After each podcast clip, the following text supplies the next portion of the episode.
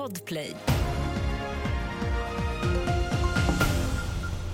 Vi börjar i Norge där ovädret Ingun dragit in med full kraft och under natten har det blåst orkanstarka vindar. Och även om man räknar med att det lugnat sig något när ovädret drar vidare mot Sverige så blåser det rejält. Marcus Noterius rapporterar från Åre.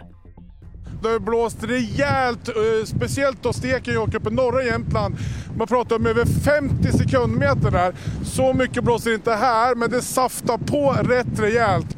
När de här byarna kommer, då är det nästan så att man får anstränga sig för att kunna stå upp. Och när vi körde upp hit också från, från Östersund så har det börjat driva också över vägen med snön, vilket kan göra att det kan bli problem i trafiken också.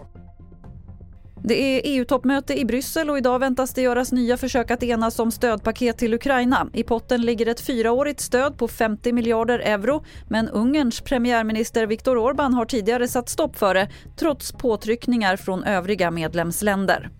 Senare under morgonen kommer ett nytt räntebesked från Riksbanken. Just nu ligger styrräntan på 4% och de flesta bedömare tror att den kommer lämnas kvar på den nivån. Fler nyheter det hittar du på tv4.se. Jag heter Lotta Wall.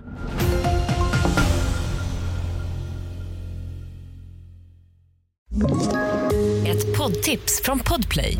I fallen jag aldrig glömmer djupdyker Hasse Aro i arbetet bakom några av Sveriges mest uppseendeväckande brottsutredningar. Går vi in med hemlig telefonavlyssning och, och då upplever vi att vi får en total förändring av hans beteende. Vad är det som händer nu? Vem är det som läcker? Och så säger han att jag är kriminell, jag har varit kriminell i hela mitt liv men att mörda ett barn, där går min gräns. Nya säsongen av Fallen jag aldrig glömmer på Podplay.